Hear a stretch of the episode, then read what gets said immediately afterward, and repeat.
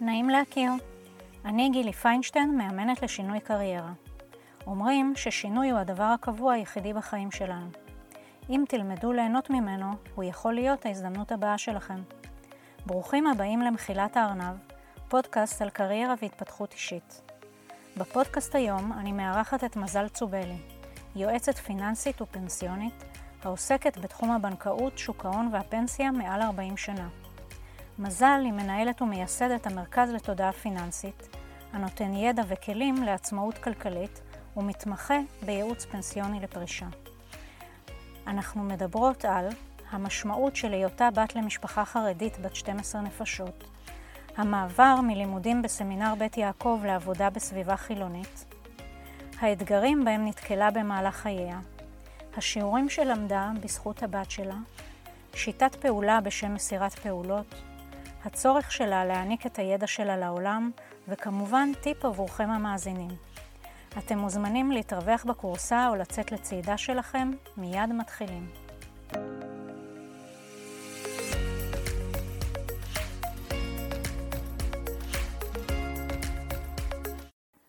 שלום מזל צובלי. שלום גילי פיינשטיין, איזה כיף להיפגש ולא בתוך הבנק. נכון. אז באמת אולי נתחיל ונאמר, נגלה שבעצם הכרנו בבנק הפועלים, מנהלת אזור ירושלים, אבל בואי נתחיל בעצם ממה שאת uh, עושה היום. אני יועצת פיננסית ופנסיונית, וגם מנהלת את המרכז לתודעה פיננסית.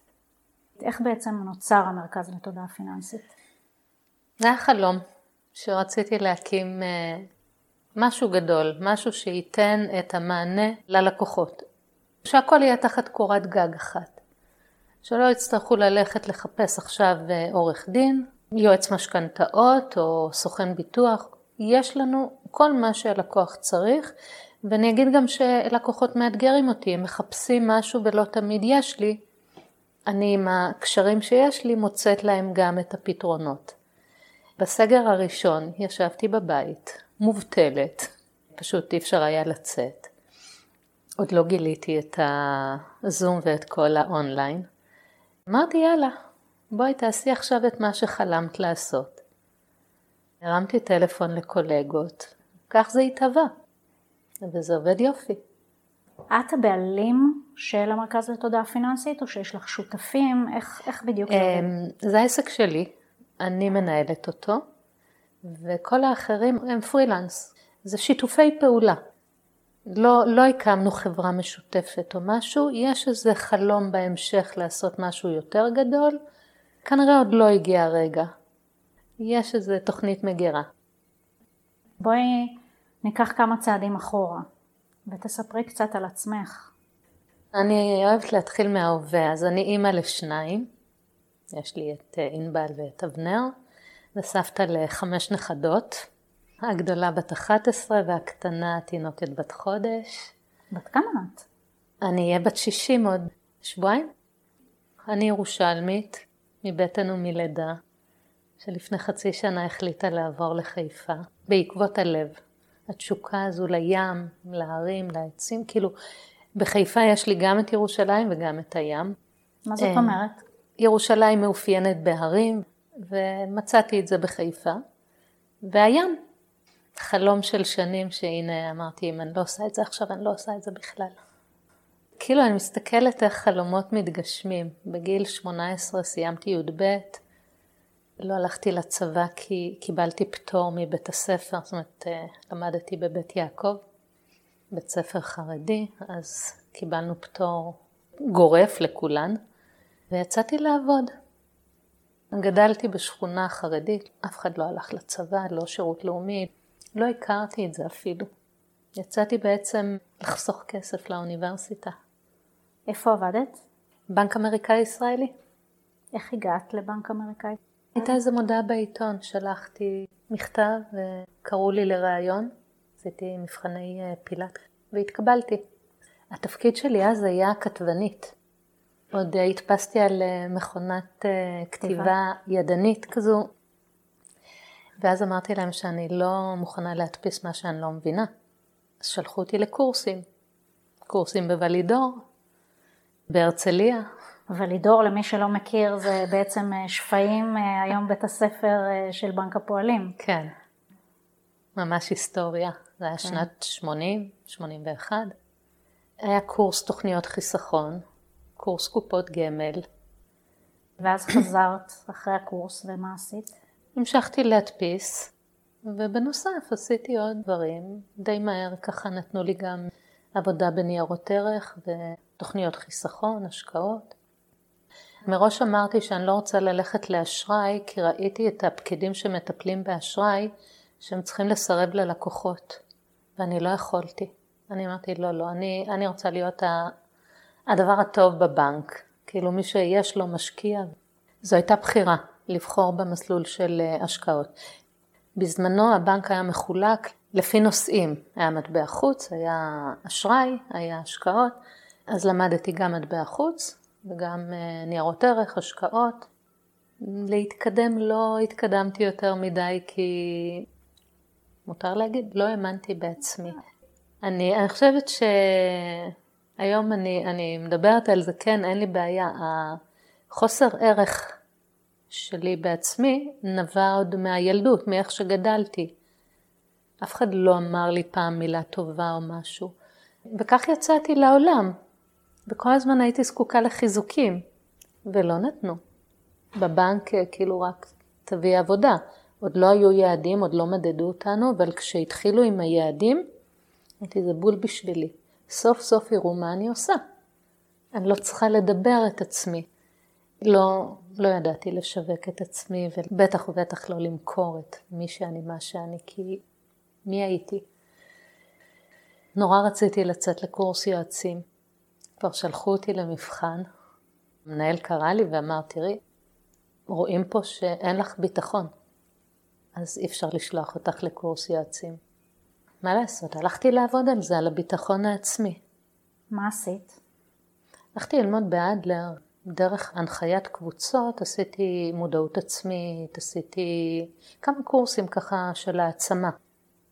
בנק אמריקאי ישראלי באיזשהו ש... התמזגנו בשנת 99. בעצם כבר היית עובדת של בנק הפועלים. כן, ואז באמת נפתחה בפניי אפשרות לצאת לקורס יועצים. יצאתי ב-2001, 2002, משהו כזה. איך בעצם מגיעים ממצב שכבר אמרו לך פעם אחת לא? אין לך מספיק ביטחון עצמי, את לא יכולה להיות יועצת. אה, התחלף המנהל. פתאום... נכנס מנהל שהאמין בי. יצאתי גם ללמוד אה, תואר ראשון באוניברסיטה הפתוחה. דיברתי עם מי שהייתה אז במשאבי אנוש בבנק הפועלים, היא אמרה לי, מה את הולכת ללמוד פסיכולוגיה? לכי תלמדי כלכלה. אז הלכתי ללמוד כלכלה. 96 עזבתי את מי שהיה אבא של הילדים שלי.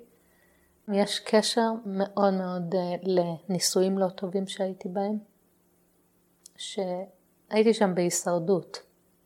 לא, לא חשבתי איך אני מפתחת את עצמי. אם יש את אה, מודל הצרכים של מאסלו, הייתי שם בחלק למטה, הצרכים הפיזיים שלי לא קוימו. אז איך יכולתי להגיע למימוש עצמי? בדיעבד, היום אני מבינה את זה, כמה צריך לעבור משלב לשלב. אבל כשאתה בהישרדות... ואיך היה לך את האומץ לבוא ולשנות? אה, וואי, זה בזכות קבוצת תמיכה שאני עד היום שם. בנוסף אה, לכל החוסר הערך וזה, הייתי גם מאוד שמנה. אכלתי, אכלתי את עצמי לדעת. לא יכולתי להרגיש, אז אה, פשוט אכלתי כדי לסתום את הרגשות.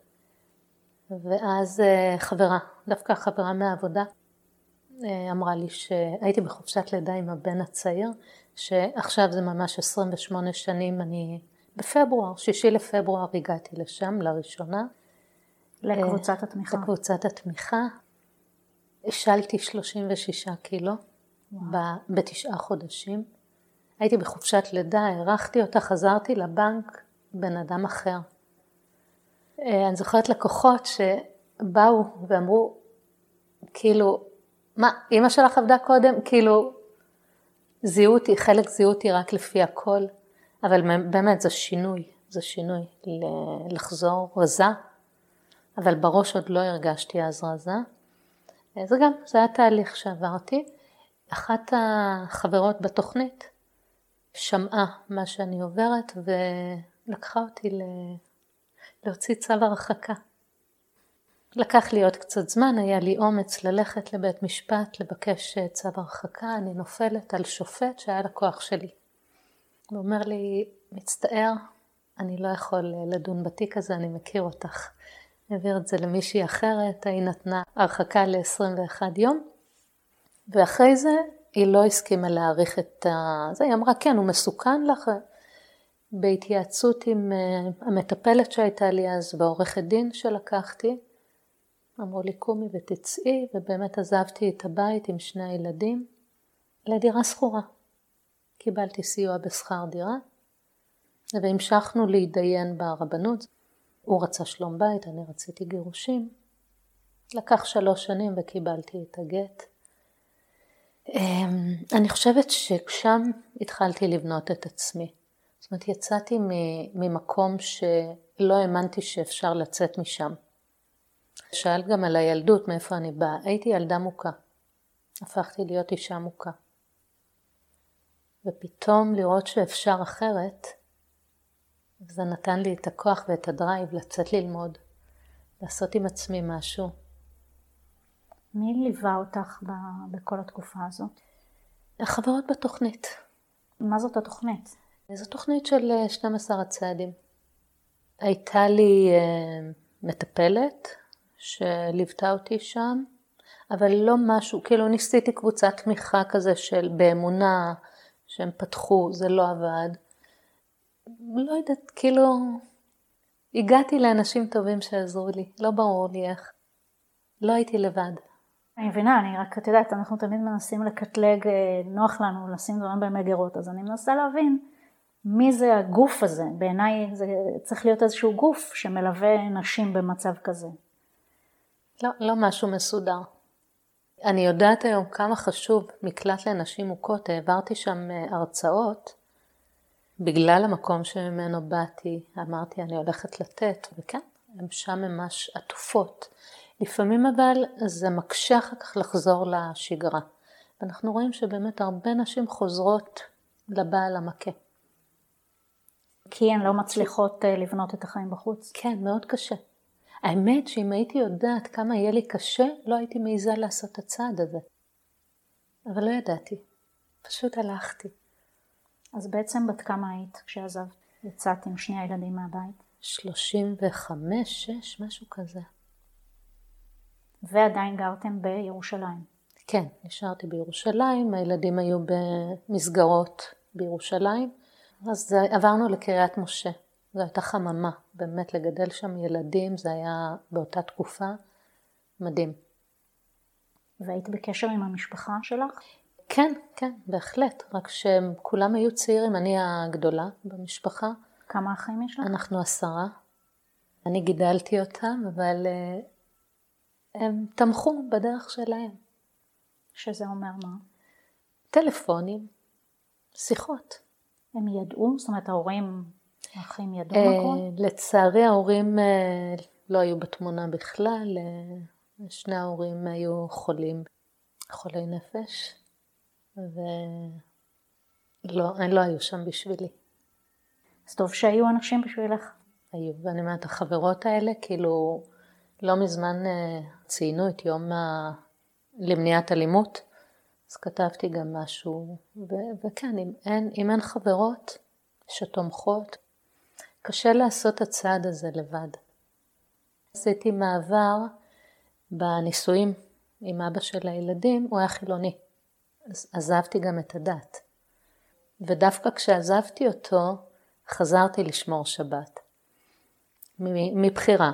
זאת אומרת, זה היה נוח, השכונה, קריית משה, שכונה דתית, אז כאילו זה, זה די התבקש. הילדים היו במסגרות דתיות גם, אז... ואת הסלטה הנוספת עשיתי לפני שש שנים, שהחלטתי שאני כבר לא שומרת שבת.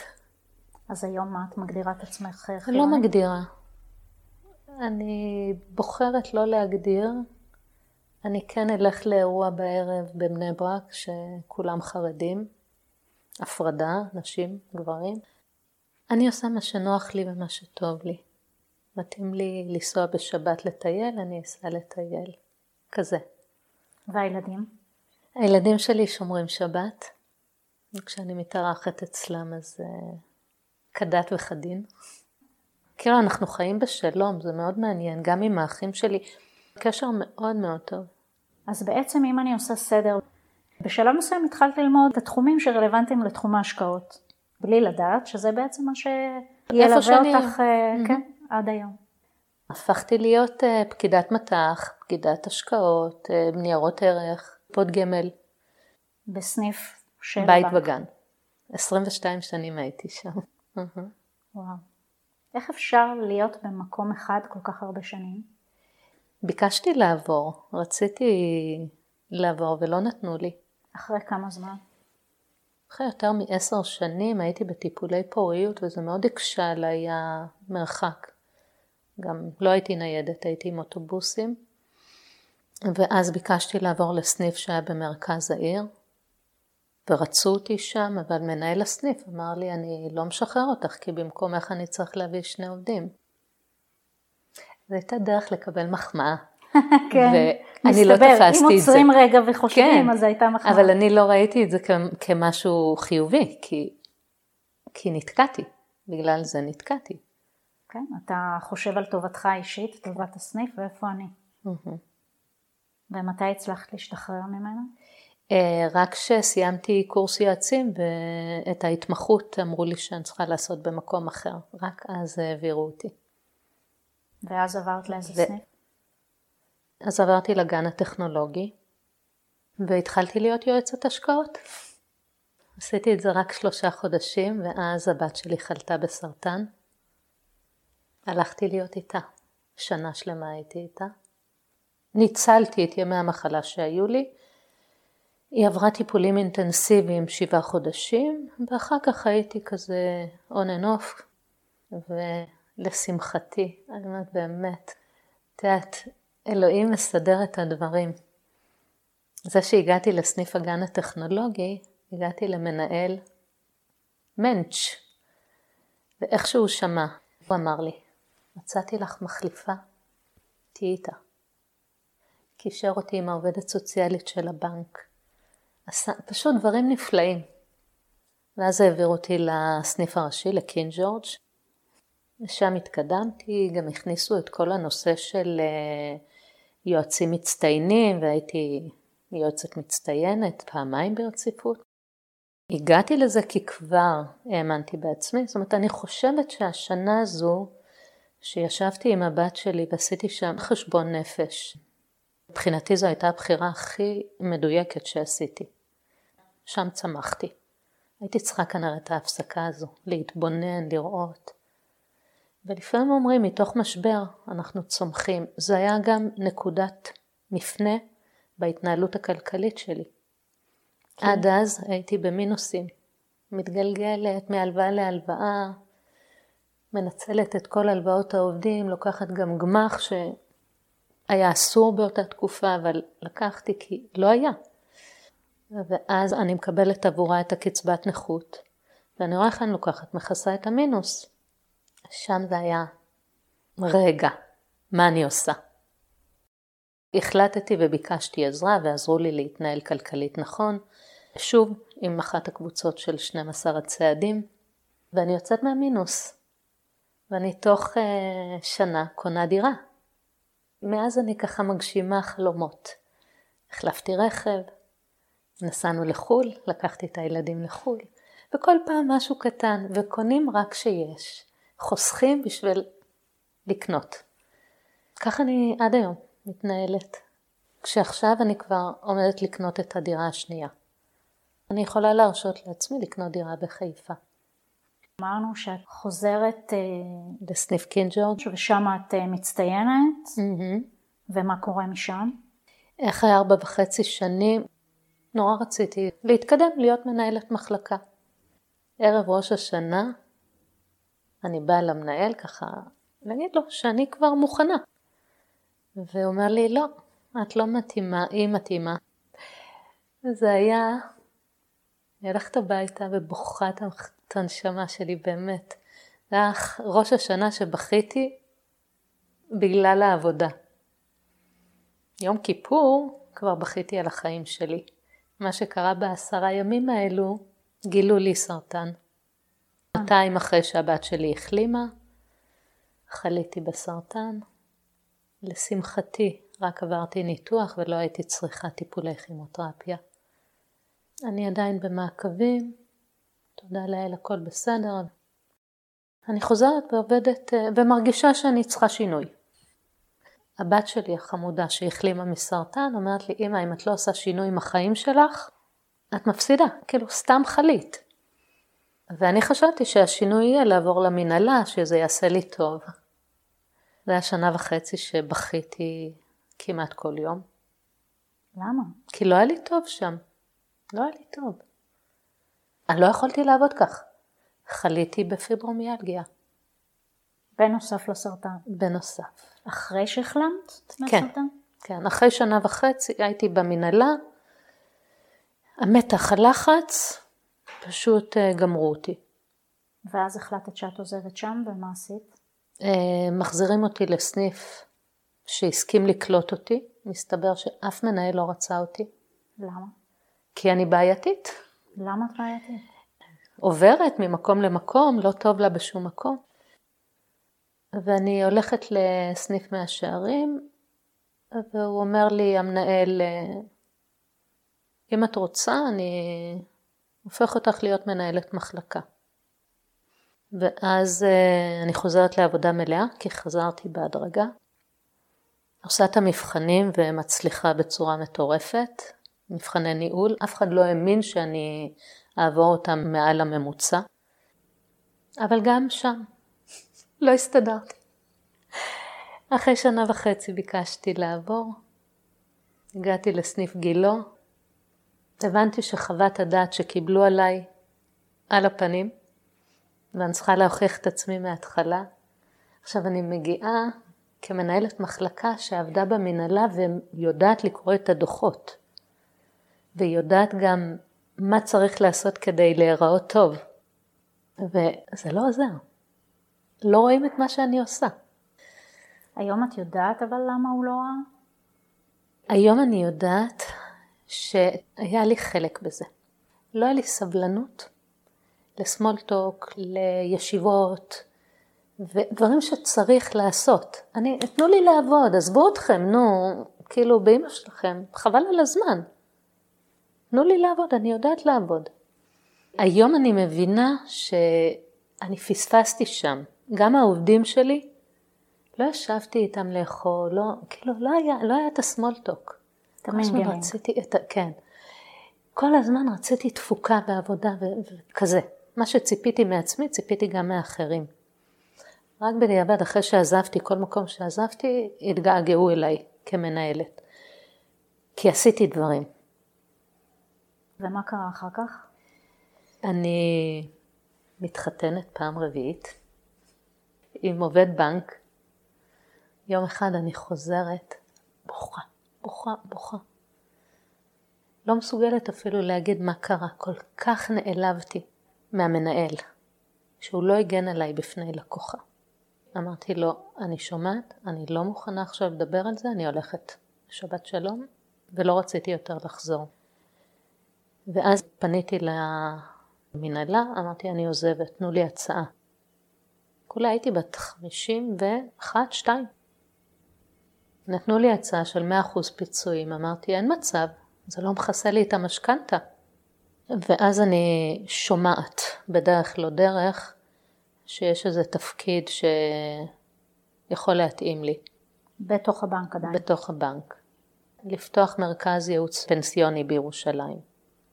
שם רכשתי את המקצוע, זאת אומרת הייתי יועצת פנסיונית, אבל שם רכשתי את המקצוע, את הכלים, את ההבנה, מה זה הייעוץ הפנסיוני. וזה הביא אותי סוף סוף להסתכל עליי, על הפנסיה שלי, מה קורה לי. ואז ראיתי שמצבי על הפנים, אין לי אפשרות להשפיע, ולכן גם אמרתי שוואלה, אני צריכה לעבור לתפקיד יותר uh, מתגמל. וכמה זמן היית במרכז? שנה וחצי, ואז קורה שוב איזה שבר, גיסי נפטר מדום לב. היינו בני אותו גיל, ואני אומרת, זהו, אני לא רוצה שזה יקרה לי. עוד רגע זה קורה לי גם. המתח הזה, הלחץ בבנק, אני לא יכולה יותר. ואני מחליטה לפרוש. אני בת 54, וגיל פרישה אז היה ידוע שזה 64, והבנק אה, נתן רק שמונה שנים. ובזכות זה שהייתי יועצת פנסיונית, הגיע אליי מסמך שהבנק מאפשר לפרוס את זה לעשר שנים ולא רק לשמונה. ואני יוצאת. וזה הדבר הכי טוב שקרה לי בבנק. 30 ליוני 2016, זה היום האחרון, הבטחתי לילדים את החופש הגדול. כאילו, פעם ראשונה בחיים להיות בחופש גדול. ואני יוצאת, ואני חשבתי שכשאני יוצאת, מחכים לי בתור, כמו שהיה תור בבנק, אל מזל. הרי אני יועצת פיננסית, יועצת פנסיונית, אני יודעת. אני יוצאת, ואין. לקחתי לי שנה, אמרתי שנה אני אוכלת חסכונות, מקימה את העסק.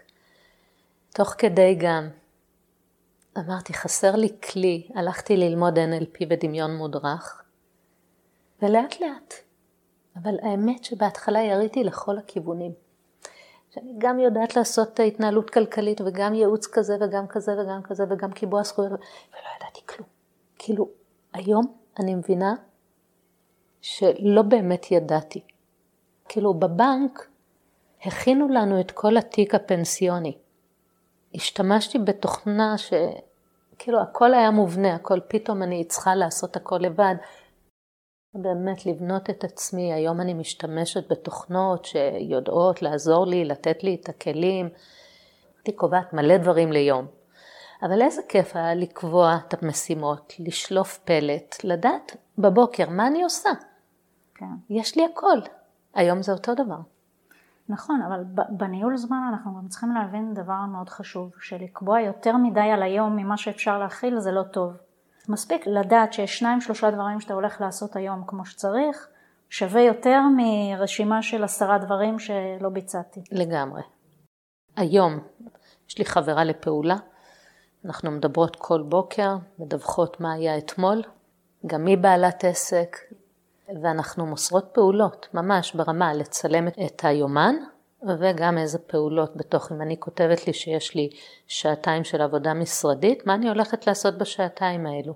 תסביר את הצורת עבודה הזאת. זה ממש כלי שימושי מאוד, שאת נעזרת בעוד מישהו. גם ככה אנחנו בעלות עסקים, יושבות לבד, מתכננות לבד, הכל לבד. נורא קשה. וככה לדבר עם עוד מישהי, לשאול כזה, אולי אני עושה את זה, או שקודם לעשות את זה, אחרי זה את זה, מתי אני נחה, מתי... כי אמרת מוסרות פעולות. למסור את הפעולה, אנחנו קוראות לזה לעבוד על קו שקט. מתקשרים בתחילה, אני אומרת מה אני הולכת לעשות, סוגרים את הטלפון ועכשיו יש לי שעה של קו שקט. זאת אומרת, אני יודעת בדיוק מה אני הולכת לעשות, אין הסחות דעת, הטלפון סגור, אולי אפילו לא לידי, ואני יודעת שאני הולכת להתמקד בפעולות האלו שמסרתי, ואני מחויבת לדווח מה עשיתי. כשאת אמרת לי מוסרת פעולה, חשבתי שאת מוסרת לה את העבודה. אה, לא, לא. אפרופו זה, כן זיהיתי שיש דברים שאני יכולה להעביר למישהו אחר שיעשה. ושכרתי שירותי משרד. יש לי בחורה מדהימה שעושה לי את העבודה. למשל, הרב מסר זה אצלה. אני לא מתעסקת עם זה, אני יודעת לעשות, אני יודעת לערוך, אבל אם אני צריכה שהיא תחזור ללקוחות, טלפונים, אה, כאלה דברים, לקבוע פגישות. מתי את בעצם מחליטה לפתוח את המרכז לתודעה פיננסית? אה, לקח עוד זמן, רגע, יש עוד פרויקטים שהשתתפתי בהם לפני כן. אני המצאתי את עצמי כל הזמן. ואז אמרתי, אוקיי, למדתי הנחיית קבוצות, אני לומדת NLP, אז אני אלך להעביר סדנאות בתיכונים.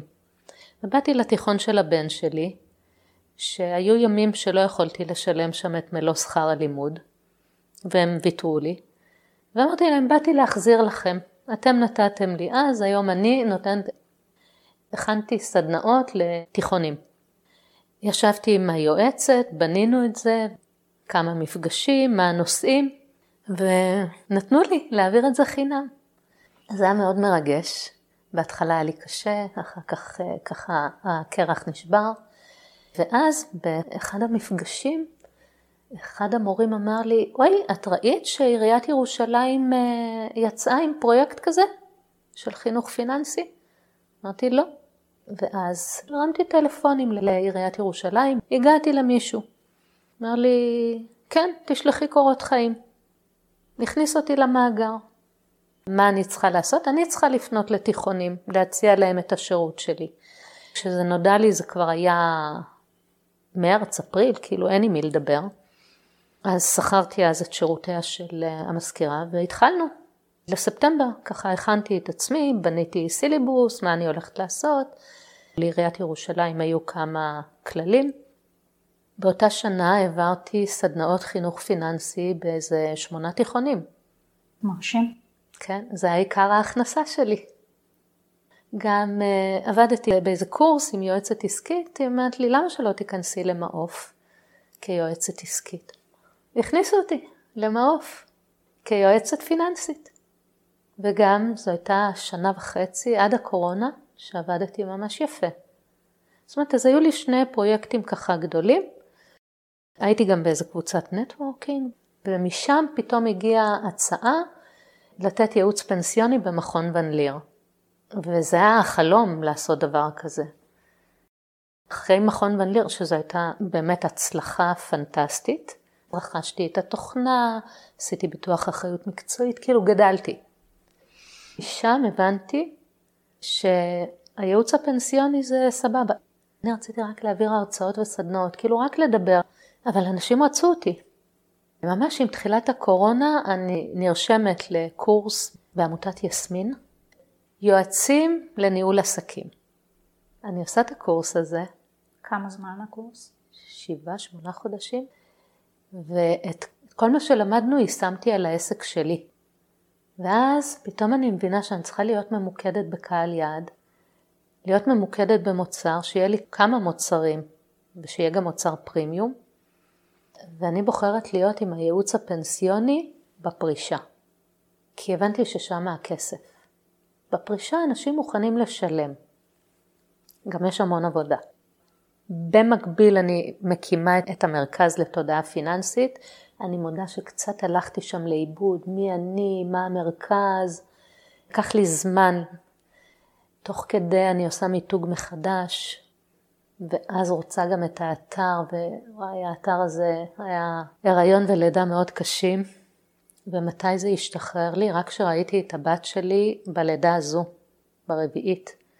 איך היא מפחדת לשחרר. אז הבנתי שגם אני מפחדת לשחרר את האתר. שהיא פחדה לשחרר היא מה? היא פחדה לשחרר את התינוקת בצירי לחץ, היא, היא לא שיתפה פעולה. היא פחדה, פחדה מהכאב. זה היה ככה, כאילו הילדה הזו עשתה לי הרבה שיעורים בחיים. למה פחדת לשחרר את האתר? תשמעי, לצאת לעולם זה מפחיד. אבל כל... זה מה שאת עושה בשנתיים האחרונות, גם לפני זה. כן, אבל כזה זה היה בקטן, זה היה כזה לדשדש ולחזור, מין מערה כזו שאני יוצאת כשנוח לי. עשיתי סרטון תדמית, לקח לי כמה חודשים לשחרר אותו. זה גם חלק מלבנות את עצמי. ואז אה, ככה הבנתי שעוד יש מה לבנות שם בפנים. הערך העצמי עוד צריך אה, להמשיך ולהתחזק. אני חושבת שכל בן אדם יש לו תמיד את הנקודה הזאת שבה הוא, הוא מרגיש שיש לו עוד מה לעשות או מה ללמוד או מה להשתפר וגם בעניין של הערך העצמי. זה אף פעם לא מסתיים. נכון, זו עבודה יומיומית, רק שהרבה דברים זה סיפורים שאני מספרת לעצמי. מה יש לי לתת, מי ייכנס לאתר הזה, למה זה טוב, ואז גם אם יש אתר צריך לתחזק אותו.